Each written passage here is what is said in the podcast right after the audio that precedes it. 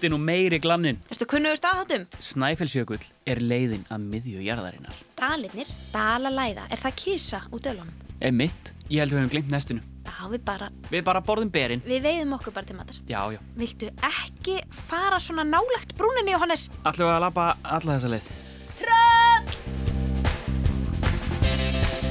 Komiði sæl og verið velkomin í fjölskyldu og ferðaþáttin Hvar eru við núna? Í þessum þáttum förum við yfir holt og hæðir, fræðumst um náttúruperlur með aðstóð ungra sérfræðinga og heimamanna, ferðumst fótgangandi, klifrandi, siglandi með veiðistöng, sofum í tjaldi og upplifum landið á ólíkan hátt. Á leiðinni styttu okkur stundir með fyndnum, skemmtilegum og skrítnum fróðlegsmólum, förum í bílaleiki, hlustum á þjóðsugur og endum svo í æsispennandi spurningakeppni fyrir alla fjölskylduna. Ég heiti Jóhannes. Og ég heiti Ingibjörg. Ingi Björg, hvar erum við núna? Mér sýnist við vera á Vesturlandi. Já, ég, ég er einmitt í vesti. Ha?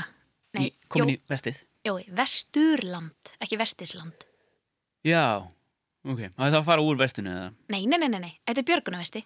Já. Við gætum nýtt að við siglum yfir á hotstrandir. Býtuðu, Hortstrandir. Það hljóma kunnulega. Kunnið þú ekki sögu sem gerist á Hortstrandum? Jú, ég kann eina. Ef við ekki bara byrja á henni. Jú, gerum það. Ein mesta náttúruperla á Íslandi tilheyrir vestfjörðum og heitir Hornstrandir. Það er stórt landsvæði sem nú hefur verið friðað vegna þess hver einstök náttúran og dýralífið þar eru. Það eru ekki margir sem búa á Hornströndum, kannski sérstaklega vegna þess hver erfitt er að komast nángað. Flestir búa þar bara hluta úr ári, til dæmis í sumarhúsum. Í gamla daga byggu þó fleiri þar yfir allt árið, bæði mannfólk og aðrir.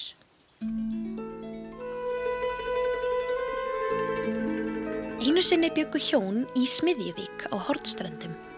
Þau hétu Ingun og Guðmundur. Eitt sinn að vori gekk Ingun út að gáða kindunum með sinni sínum Byrni. Þau gengu upp með drífandis á og alla leið upp á klettahjalla rétt fyrir ofan drífandis foss. Þar sást mjög vítt yfir og Ingun leitaði þangað til að fá sem best útsýni. Þegar hún stóð á klettahjallinum og horfið eftir kindunum sínum, sá hún að maður með stóran kindahóp kemur að vestan. Með honum var kona, ríðandi á hesti og þau stemdu beint á drífandis á, eins og þau ætluð að vaða þar yfir og þau hafi gert þetta oft áður. Ingunni þótt þetta mjög skrítið, en það engir aðrir bændur á svæðinu nema hún og Guðmundur. Hún hafði allavega aldrei séð þetta fólk áður. Smala hundur hennar vildi hlaupa af stað, geltandi inn í kindahópin, en Ingun sveigaði á hann og skipaði honum að vera kyrr. Hún fylgdist með fólkinu vaða yfir ána og stefna beint á Rauðuborg, en það er einkennileg klettaborg þar sem átti að búa huldufólk. Nóttina eftir dreymdi Ingunni að til sín kæmi maður sem sagði Vel gerðir þú í gær að láta ekki hundin hlaupa í kindurna mínar. Við vorum að flytja í Rauðuborg og verðum því nágrannar þínir. Vildi ég vera þér í sinni fyrir vinabrag þitt. Að svo mæltu gekk draum maðurinn brott. Næsta vetur, um miðjan desember og rétt fyrir jólaháttíðina, áttu þau Ingun og Guðmundur von á sinni sínum Eyjólfi. Hann var vanur að ferðast frá Jökulfjörðum yfir í Smiðjavík til að færa fóröldurum sínum góðgæti fyrir jólin. Eyjólfur var svo upptekinn að hann komst ekki af stað fyrir hann seint á Þorlagsmessu. Hann náði ekki alla leið til Smiðjavíkur, heldur stoppaði á leiðinni og gisti. Þegar hann lagði eftir af stað fór veðrið að versna mikið. Hríðarbilur skall á Eyjólfi og hann var nærri uppgefin af þreytu þegar hann settist niður til kvíldar. Hann fekk sér matarbita og dálítið af góðgætinu sem fóreldrar hans átt að fá fyrir jólin. Eyjólfur hestist og hjælt aftur á stað en færðin var mjög vond og útsýnið lítið sem ekkert. Hvernig ósköpunum átt hann að rata? Allt í einu sá hann lítið ljós sem færðist smám saman á undan honum. Hann fylgdi þessu ljósi alveg þangað til hann sá Rauðaborg. Þar síndist honum ljósið hverfa inn í klettana. Nú kannaðist Eyjólfur við sig en það var stutt heim að bænum.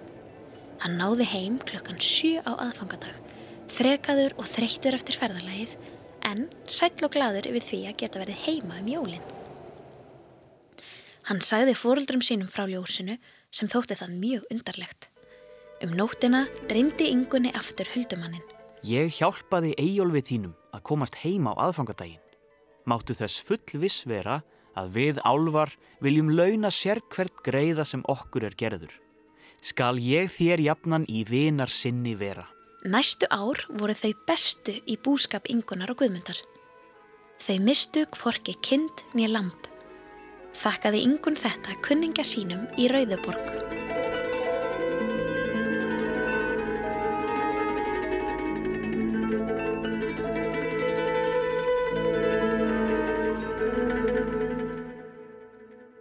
Það er nú eins gott að eiga góða álfa vini. Það kemur sér vel. Já, En við þurfum að halda áfram.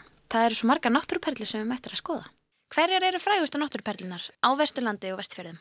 ég hugsa að Snæfellsjökull komi svolítið ofalega á þann lista.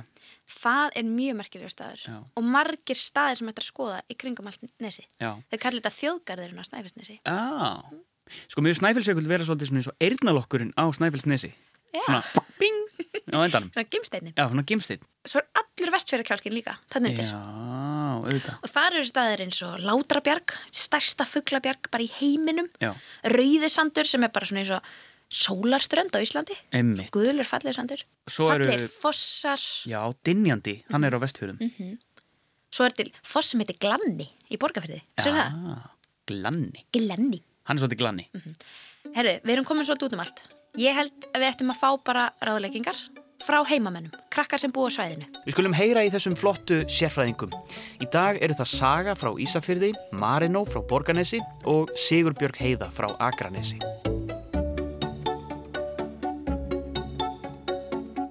Halló, ég heiti Saga Björgvinsdóttir og ég bý á Ísafyrði sem er á Vesturlandi. Uppáhalds náttúruperlan mín á Vesturlandi er Rauðisandur og maður keirir með bíl þangað. Það er mjög gaman að leika sér þar á ströndinni og hún er mjög stór og löng. Það er hægt að klifra þar og tjalda. Uppáhalds náttúruperla mín á vestfjörðum eru hornstrandir. Maður fer þangað með bát og það tekur um það byrð þrjá klukkutíma frá Ísafjörði. Það eru fullt af refum og fuglum sem er gaman að skoða. Maður þarf að gista þar í tjaldi og það er hægt að fara í alls konar göngutúra upp fjöll og yfir dali. Síðast þegar ég var á Hornströndum þá gistum við í Hornvík. Við fórum þangað með bát og við gistum þar í svona tjaldhúsi. Ég sáum fullt af rifum og fuglum og við löppuðum yfir fjall og ár. Svo hinum yfir fjallið beigð okkar bátur sem flutt okkur svo til Ísafjörðar. Áhugamáli mitt er klifur. Ég fer ofta að klifra með pappa mínum. Þá tökum við með klifurdín og klifurskó. Ég hef klifrað á rauðasandi og á leiðinni í heitar er fullt af skemmtilegum steinum sem er hægt að búldra í. Stum dínuna á jörðina, förum í klifurskóna, klifrum upp svo ef við dettum, þá dettum við á dínuna í staðin fyrir á jörðina. Alltaf ef maður þarf að keira ykkur langt á milli staða þá er gaman að geta stoppað inn á milli og klifrað smá. Uppahalds náttúruperlan mín á vestjörðum er heitafur. Maður fyrir þangað keirandi. Það er gistiheimili og það eru náttúrulaugar og heitapottar. Og það er líka hægt að fara á hestbakk. Og svo er skemmtilegur páagaukur þar sem kann að tala.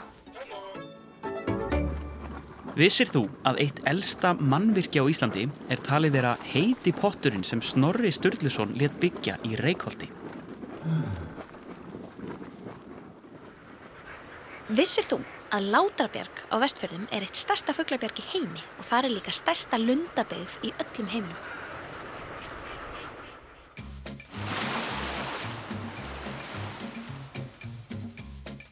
Hæ, ég heiti Marno Geir og ég er frá Borgarnesi á Vesturlandi.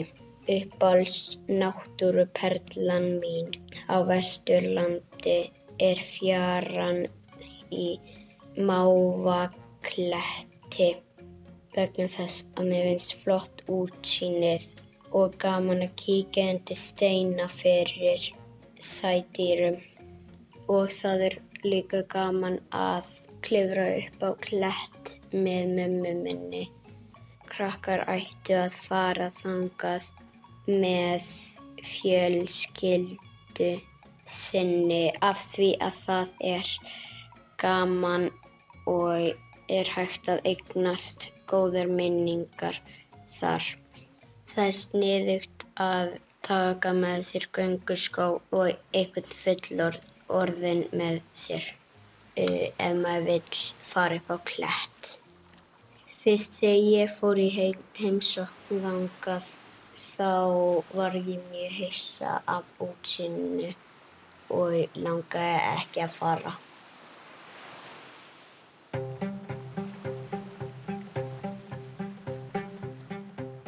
Hæ, ég heiti Sigurbjörg Heiða og bý á Akranesi og er tíu ára.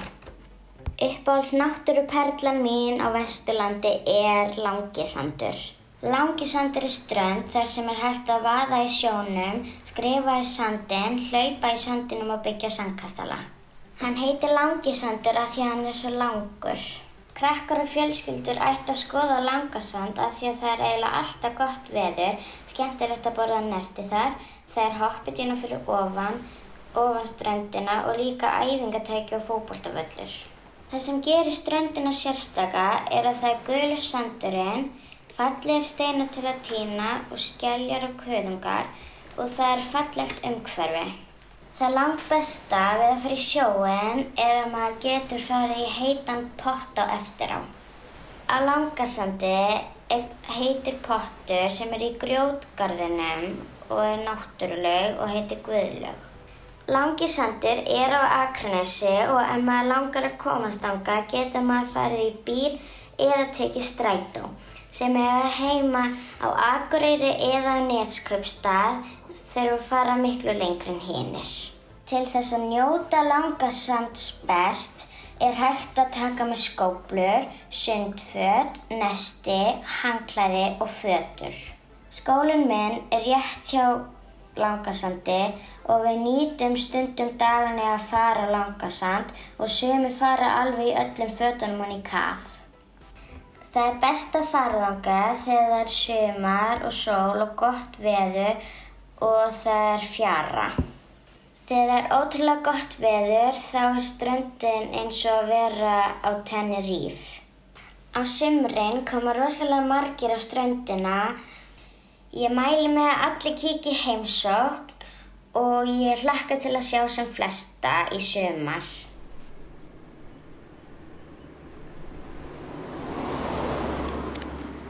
Herru, við þurfum bara að beigja hér, fyrst í vinstri, svo til hægri, svo kerum við svona 100 metra niður og þá kemur svona stór laug og þá... Ingibjörg, Já. hvað skilti það? Stendur Barnafoss? Er það, Já, er það eitthvað svona sem að börn er Veistu- að leika sér í? veistu ekki hvað Barnafoss heitir Barnafoss? Nei, Ég skal segja það.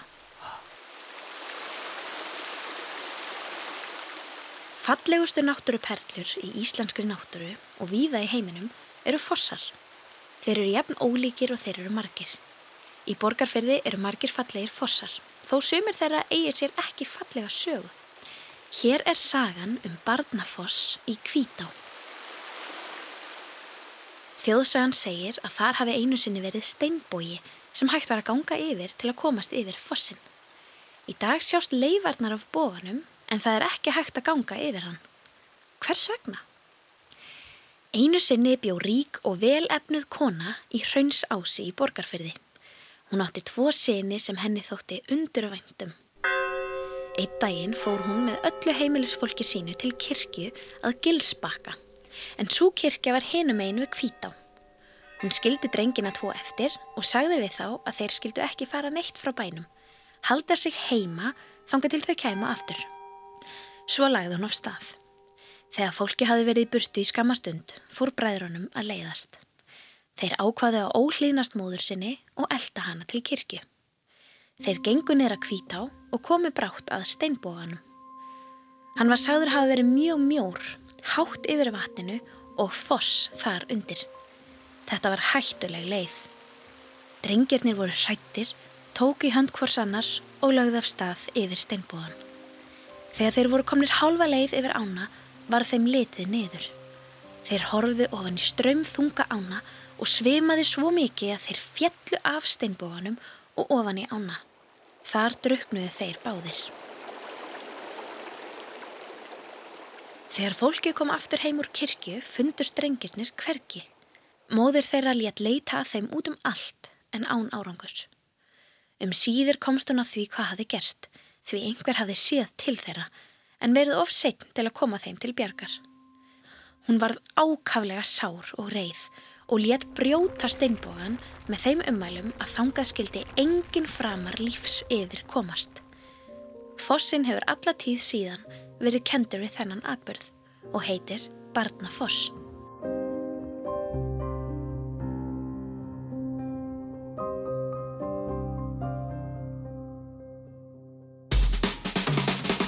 Velkomin í spurningakeppnina Hver er með svarið? Við heyrum tíu spurningar sem tengjast þema þáttarins og hvert rétt svar gefur eitt stig. Sá sem fyrstur kallar rétta svarið fær stíð. Og við byrjum núna. Í dal á vestfjörðum sem Saga nefndi hér áðan er hægt að tjálta, baða sig í náttúrulaug, spjalla við páfagauk og fara á hestbakk. Og nafnið á þessum dal er ymmit dreigið af því sem hestar borða mjög mikið af. Hvaða dalur er þetta?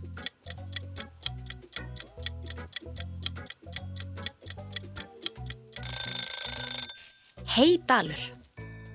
Hortstrandir eru friðað landsvæði á vestfjörðum og nær engungu hægt að komast hangað á bát. Dýrin þar eru friðuð. Þar á meðal er eitt loðið dýr sem er eina landspendýrið sem barst til Íslands án aðstóðar manna. Hvaða dýr er þetta?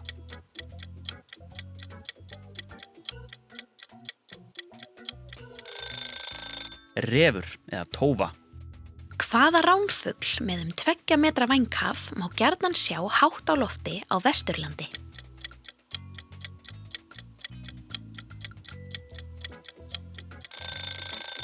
Haförn. Hvaða fuglabjarg á vestfjörðum er stærsta sjávarbjarg Íslands? 14 kílometrar að lengt og 441 metri þar sem það er hæst.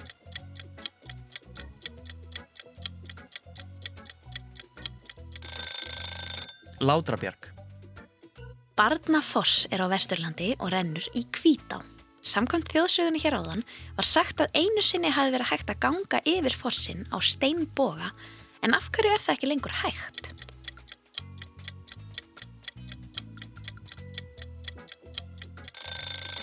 Steinbogin brotnaði. Sigurbjörg Heiða nefndi Langasand. Eins og nafnið gefur til kynna er það laungströnd og er á Akranesi. Hvernig er sandurinn á Langasandi á litin?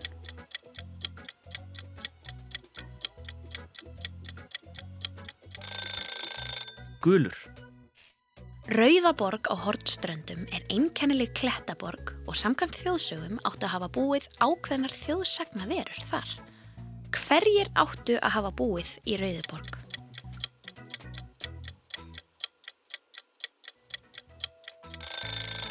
Huldufólk.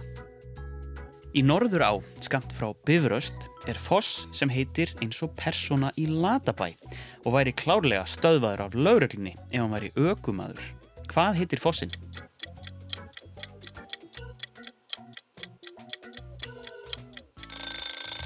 Glanni. Hvaða fugl sem finna má meðal annars á Vesturlandi er stundum kallaður litli munkur og litli bróðir. Hann gerir ekki hreyður, heldur grefur sér litlar hólur.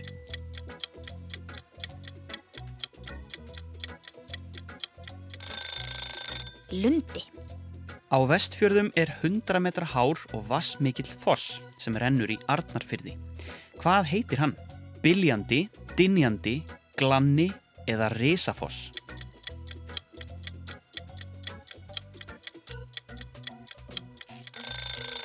Dinjandi. Snorri Sturluson var merkilegur maður sem var uppi fyrir um 900 árum. Hann skrifaði mjög frægar bækur eins og Snorra Eddu og Heimskringlu.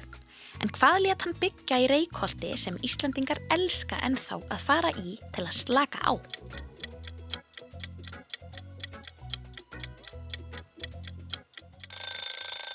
Heitan pott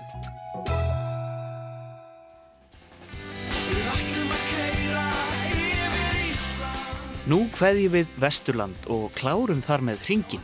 Við höfum skoðað náttúrperlur um allt land og þökkum sérfræðingum þessa þáttar kærlega fyrir. Það voru Saga frá Ísafyrði, Marinó frá Borganesi og Sigurbjörg Heiða frá Akranesi.